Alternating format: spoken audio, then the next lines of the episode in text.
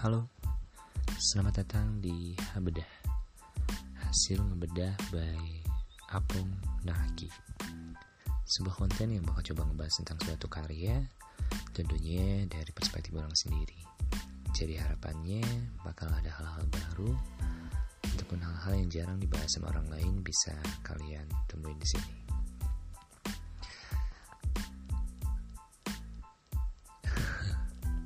sebelum orang mulai episode kali ini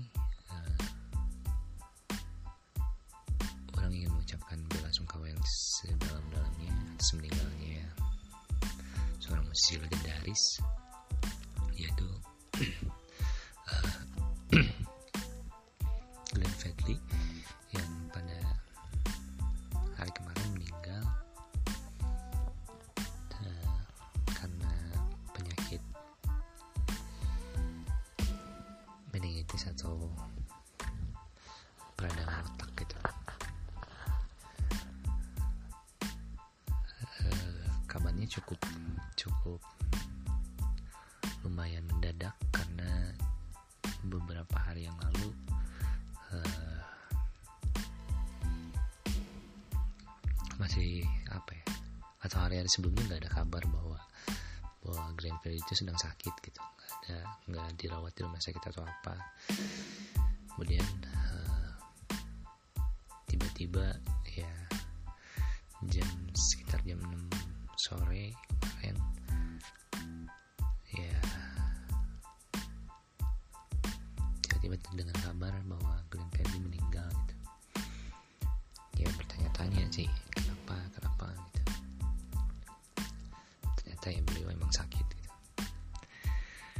Dan ya anehnya emang mungkin sempat berfirasat gitu sih. Kayak pas beliau bikin postingan selamat ulang tahun sama istrinya itu kayak eh, apa ya terkesan romantis aja gitu.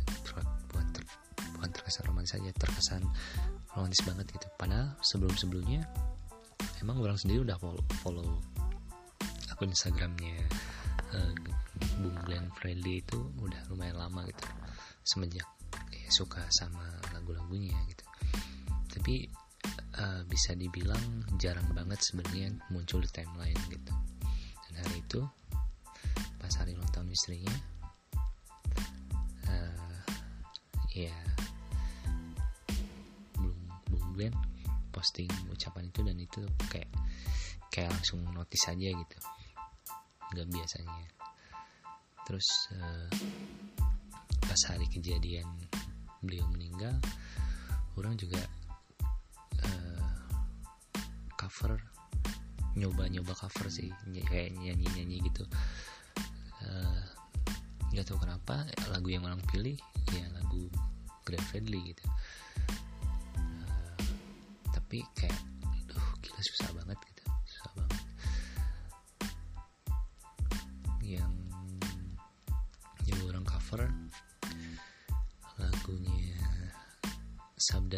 sama Nyali Terakhir yang jadi soundtracknya eh, Surat dari Praha. Dan itu juga jembatan yang bikin orang jadi suka sama Glenn Fredly sebenarnya. Dan udah beberapa kali nyoba nyoba nyoba akhirnya nggak berhasil tuh karena kayaknya eh, feelnya nggak dapet gitu feelnya nggak dapet dan akhirnya ya batal gitu. Selang beberapa jam kemudian akhirnya dapat berita kayak gitu dan gila sih percaya nggak percaya gitu.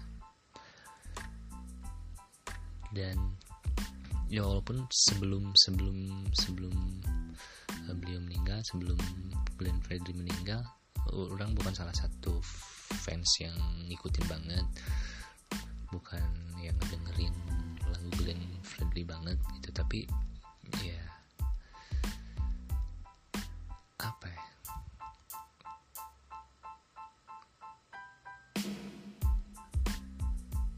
justru justru setelah beliau meninggal malah malah makin makin makin sadar gitu bahwa beliau itu adalah sosok yang yang baik terlihat dari beberapa tes bukan beberapa banyak banyak testimoni yang yang berkata demikian gitu entah dari rekan-rekan sesama musisi atau artis atau bahkan politikus ya banyak punya kesan mendalam uh, semasa beliau masih hidup gitu. Dan lagu terakhir yang orang dengar dari beliau itu apa ya yang yang paling baru yang terdengar yang orang agak sering dengerin ya manusia biasa sama yang satu lagi uh, belum sempat nempel sih. Jadi orang juga nggak tahu lagunya kayak apa kemudian judulnya juga kayak apa. Tapi ya makin ke sini banyak orang yang nge-share tentang beliau semasa hidup. Kemudian orang baca lagi lirik-liriknya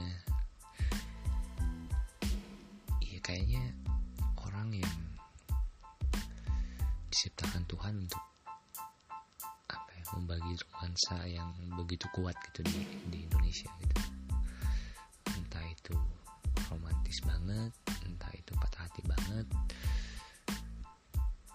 ataupun ya rasa minta maaf atau apa pun itu selalu disampaikan dengan rasa yang kuat gitu. dan sekarang masuk hari ke berapa ya? Hari ketiga setelah beliau meninggal perasaan sakit hatinya masih masih kerasa gitu. Kayak proses yang wajar sih. Proses kematian itu proses yang wajar. Cuman nggak tahu kenapa walaupun orang pribadi nggak kenal beliau secara personal kemudian nggak ngikutin ngikutin beliau secara secara intens gimana gitu tapi ketika uh, banyak orang yang menunjukkan kebaikan beliau uh, kenangan-kenangan beliau semasa hidup menjadi jadi ya ikutan patah hati sih patah hati itu. Benar-benar merasa kehilangan. Apalagi ya bisa dibilang uh, pas ketika beliau meninggal ketika anaknya mening uh, ketika beliau meninggal anaknya itu baru berusia 40 40 hari gitu. Di mana uh, setahu orang juga 40 hari itu uh, jadi apa ya salah satu salah satu proses dari kematian gitu. Uh, kalau nggak salah uh, berpindahnya berpindahnya uh, ruh dari alam yang sekarang ke alam yang selanjutnya itu terjadi di proses ke 40 hari gitu kayak karena uh, kalau nggak nggak salah ya kalau nggak salah ketika orang meninggal ada mungkin entah itu rohnya atau bukan roh sih mungkin ada beberapa energi atau jiwanya yang tersisa atau gimana. Pokoknya ada ada cerita yang bilang atau mitos atau apa pun yang sebelum 40 hari orang itu masih ada di sekitar kita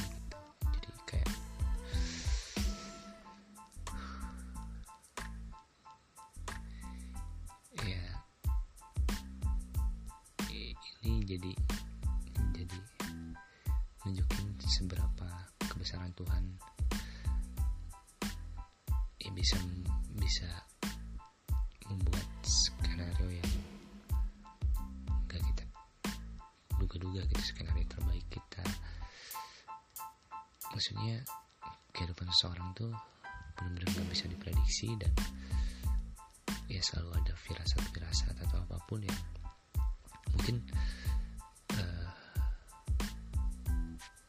kita nggak peka gitu atau kita nggak bisa baca uh, baca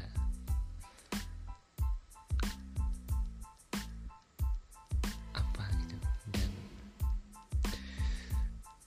ya beruntung beliau adalah orang baik meninggalkan kesan yang baik dan semoga mati dalam keadaan yang baik dan mendapat tempat yang terbaik gitu. Amin.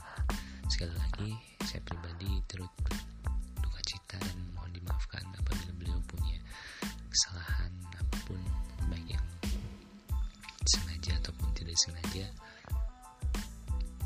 Dan untuk keluarga yang ditinggalkan semoga mendapat ketabahan. Karena uh,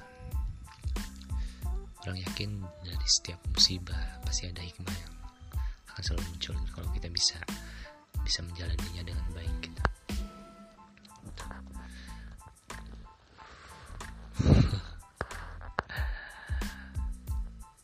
uh, agak aneh sih ya tapi gimana ya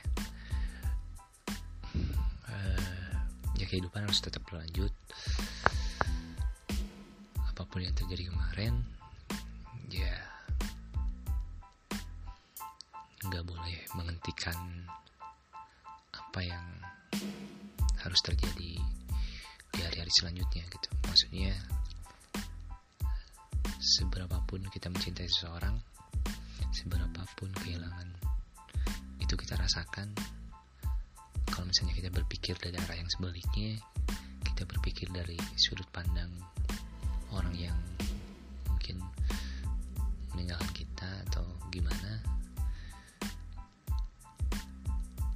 ya mungkin ya nggak bakal rela juga gitu kalau kita misalnya terlalu dalam kesedihan atau segala macam jadi ya orang juga pengen ngajak buat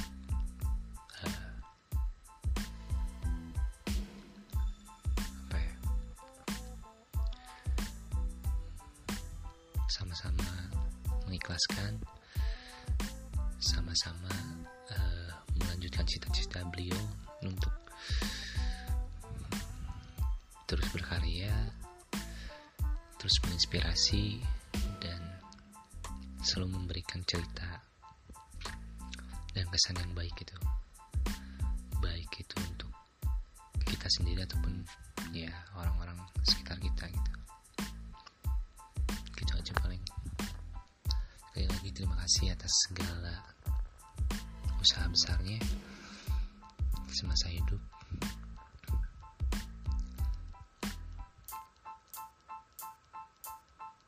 Terima kasih banyak.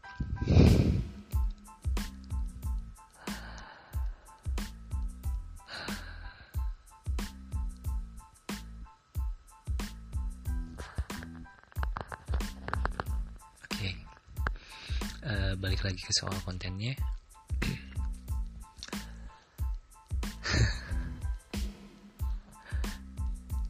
Walaupun situasinya lagi kurang enak kemudian ya kita juga lagi ngadepin situasi pandemik uh, masih dalam situasi karantina akibat virus covid 19 uh, yang mana uh,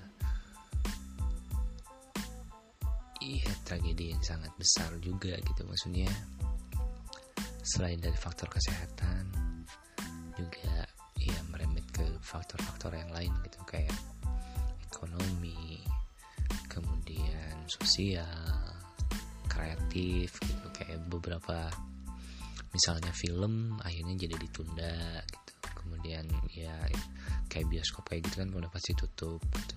Ya ya jadi sangat-sangat berdampak gitu. Tapi ya sisi baiknya sisi baiknya adalah uh, disadari atau enggak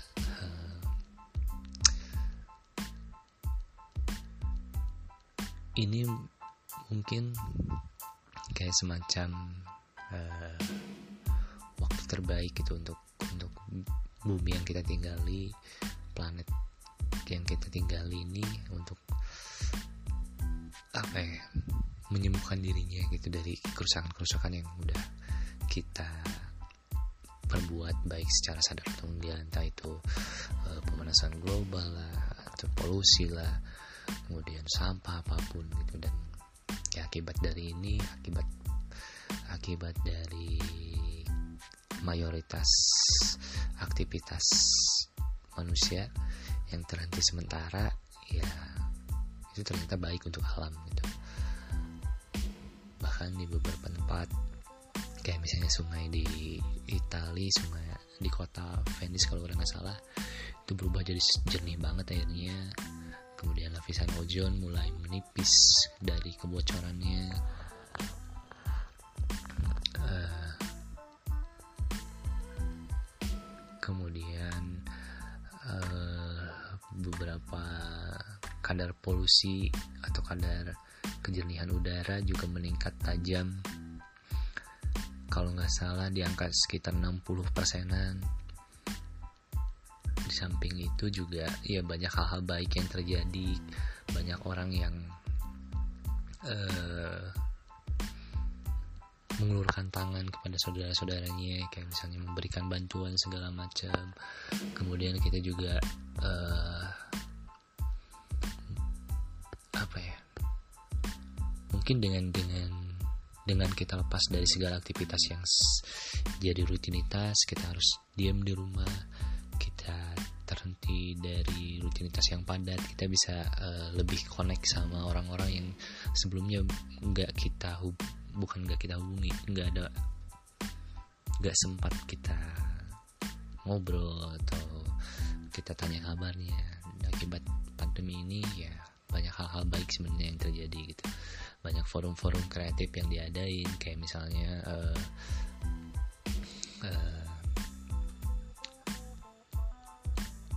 Panji Pragiwaksono yang ngebuka uh, semacam kuis setiap malam untuk mencari orang terlucu.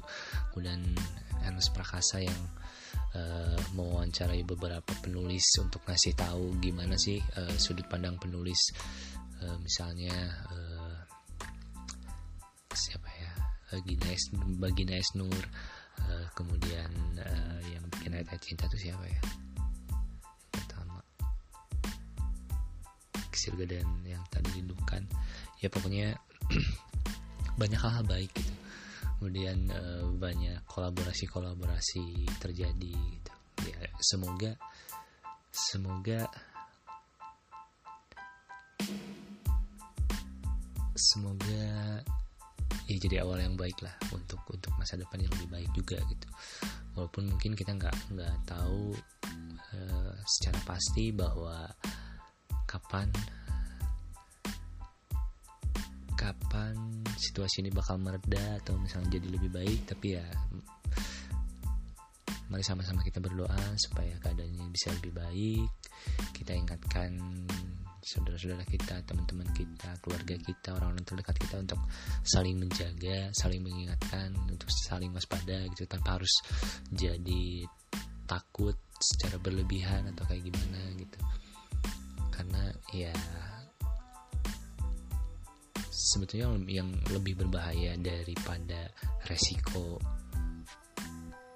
apa pun itu misalnya virus lah atau kecelakaan atau apa itu adalah kehilangan kesadaran gitu kehilangan kepekaan kehilangan kontrol gitu. Karena mungkin uh, sebesar apa pun resiko yang kita hadapi kalau misalnya kita siap gitu. Maksudnya bukan siap walaupun tidak siap 100% gitu. Itu bisa meminimalisir uh, hal-hal buruk gitu. Sementara kalau misalnya kita kehilangan kewaspadaan kehilangan kontrol terhadap diri kita kehilangan kesadaran kepekaan sampai panik takut segala macam walaupun misalnya resikonya sebenarnya kecil tapi bisa jadi bisa jadi uh, sangat berbahaya gitu. Kayak misalnya kita jalan nggak nggak ngelihat sekitar segala macam. Akhirnya kita sebenarnya cuma kita cuma tersandung misalnya. Cenderung sama kerikil batu atau segala macam tapi akibat kita jatuh pas jatuh itu kita malah jatuh tepat di lindasan eh, mobil atau motor gitu. Akhirnya kan bisa lebih bahaya gitu padahal cuma tersandung doang gitu. Coba kalau misalnya kita lebih peka sama sekitar segala macam kita nggak main HP sambil jalan-jalan gitu misalnya. Resiko yang sebenarnya penyebabnya kan cuma tersandung doang gitu. Tapi ke depannya kan kita nggak tahu gitu. Atau misalnya kita kita masak sesuatu di rumah kemudian kita lupa uh, karena keasikan main game sambil nunggu segala akhirnya uh, ya si minyaknya terlalu panas misalnya kemudian jadi terbakar gitu si minyaknya dan ya jadi merembet segala macam kan itu juga sebenarnya resiko gitu. Jadi bukan bukan maksud orang untuk menyepelekan keadaan yang sekarang gitu. Bukan bukan bukan harus menantang juga gitu tapi ya kita harus tetap mempertahankan rasionalitas gitu. Di samping ya uh, rasa produktif sih. Walaupun itu benar-benar susah sih. Untuk bikin bikin konten ini aja kurang uh, ngabisin waktu tiga minggu. Ini hampir minggu ketiga kan ya? Dari dari niatnya yang uh, tadinya episode kali ini bakal ngebahas tentang kelanjutan dari si Crash Landing You itu terkadang baru beres uh, beberapa minggu kemarin tapi ternyata nggak bisa nggak bisa langsung dieksekusi gitu si si kontennya ini. Jadi ya intinya mungkin episode kali ini orang nggak bakal tentang bahas suatu karya karena situasinya juga lagi nggak enak. Jadi pengen ngajak aja gitu supaya buat lebih semangat lagi buat buat bangkit bersama-sama buat saling uh, mengulurkan tangan memberi semangat memberi memberi memberi apa ya dukungan gitu. Karena dengan kita bersama-sama maksudnya dengan semangat bersama-sama walaupun kita, raga kita mungkin gak boleh deketan atau secara fisik kita nggak boleh bersentuhan atau harus menjaga jarak segala macam gitu. Tapi itu tidak boleh dijadikan alasan untuk kita tidak peduli sama orang lain gitu. Karena uh, dengan kita peduli sama orang lain sama juga kita peduli dengan diri kita sendiri gitu. Karena sekali lagi dengan kita peduli sama orang lain itu sama aja uh, kita peduli sama diri kita sendiri gitu. Karena uh, misalnya misalnya tragedi ini selesai uh, situasi ini selesai mereda ketika kita tidak peduli sama orang lain gitu. Mungkin ada orang-orang yang bakal beranggapan bahwa uh, lu ke mana aja kemarin gitu. Atau misalnya uh, hubungan pertemanan hubungan persaudaranya malah jadi putus malah jadi renggang segala macam karena dianggap dia tidak peduli atau kayak gimana gitu. beda lagi kalau misalnya kita uh, ya mem membantu uh, sebisa kita orang-orang uh, yang mungkin uh, keadaannya lebih sulit daripada kita dan itu bakal meninggalkan jejak yang uh, menurut orang nggak bakal mudah mudah hilang gitu di benaknya dan itu bakal jadi jadi bisa dibilang apa ya investasi investasi kebaikan yang investasi itu bakal menolong kita juga gitu dalam keadaan yang mungkin gak kita duga-duga gitu. Jadi ya sekali lagi pengen ngajak buat semangat pengen ngajak buat bersabar juga gitu untuk uh, tidak melakukan hal yang konyol tidak melakukan hal-hal yang merugikan gitu. Karena ya dalam kondisi-kondisi yang kritis dalam kondisi-kondisi yang uh, mencekam seperti ini rasionalitas kemudian uh, kepekaan juga harus benar-benar dijaga gitu. Karena sekali kita kehilangan dua hal tersebut kepekaan dan kontrol terhadap diri kita itu bisa jadi bumerang pernah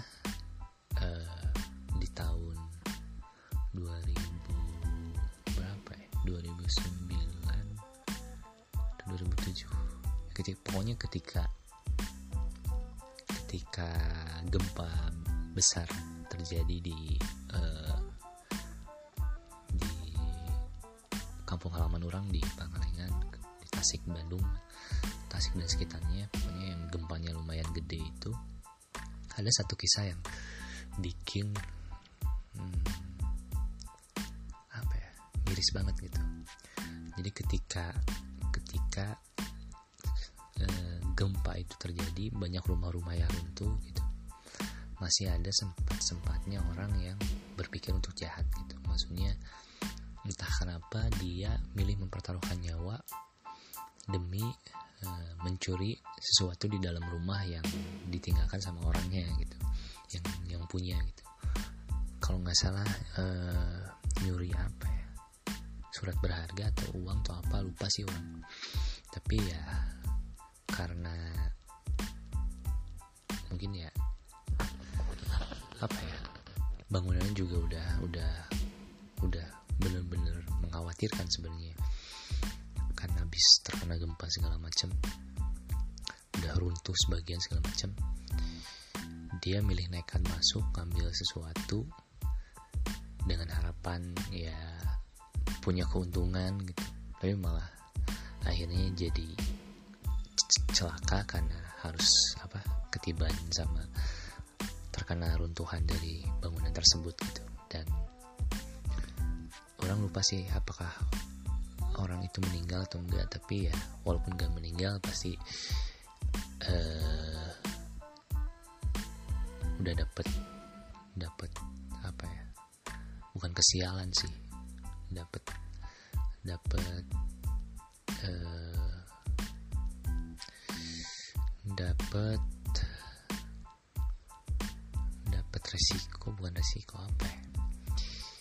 Dapat kemalangan kemalangan yang akibat kebodohan dia sendiri gitu akibat dari kehilangan kontrol akibat dari kehilangan kepekaan gitu. Bukannya kita nge ngebantu orang-orang yang lagi kesusahan kita malah memanfaatkan kesusahan orang lain buat keuntungan kita gitu. Dan itu harus sangat-sangat dihindari teman-teman. Nah, kalau bisa karena ya balik lagi seperti yang orang bilang tadi investasi kebaikan kita investasi ketika kita menolong orang lain di saat kesulitan benar-benar bakal menyelamatkan kita di waktu-waktu yang terduga gitu.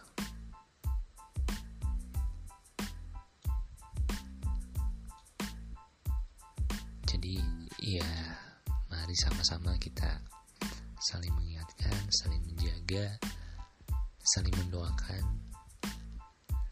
dan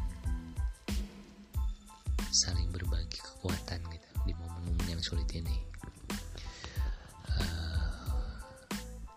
itu aja untuk episode kali ini terima kasih banyak untuk uh, untuk effortnya sudah mendengarkan episode ini sampai akhir doa terbaik buat kita semua uh, semoga hal-hal baik segera menghampiri segera menghampiri eh, masing-masing dari kita. Semoga hal-hal yang indah segera menghampiri tiap-tiap pribadi kita. Sekian untuk episode kali ini. Saya Pengaraki pamit. Sampai jumpa di episode selanjutnya. Hamdah.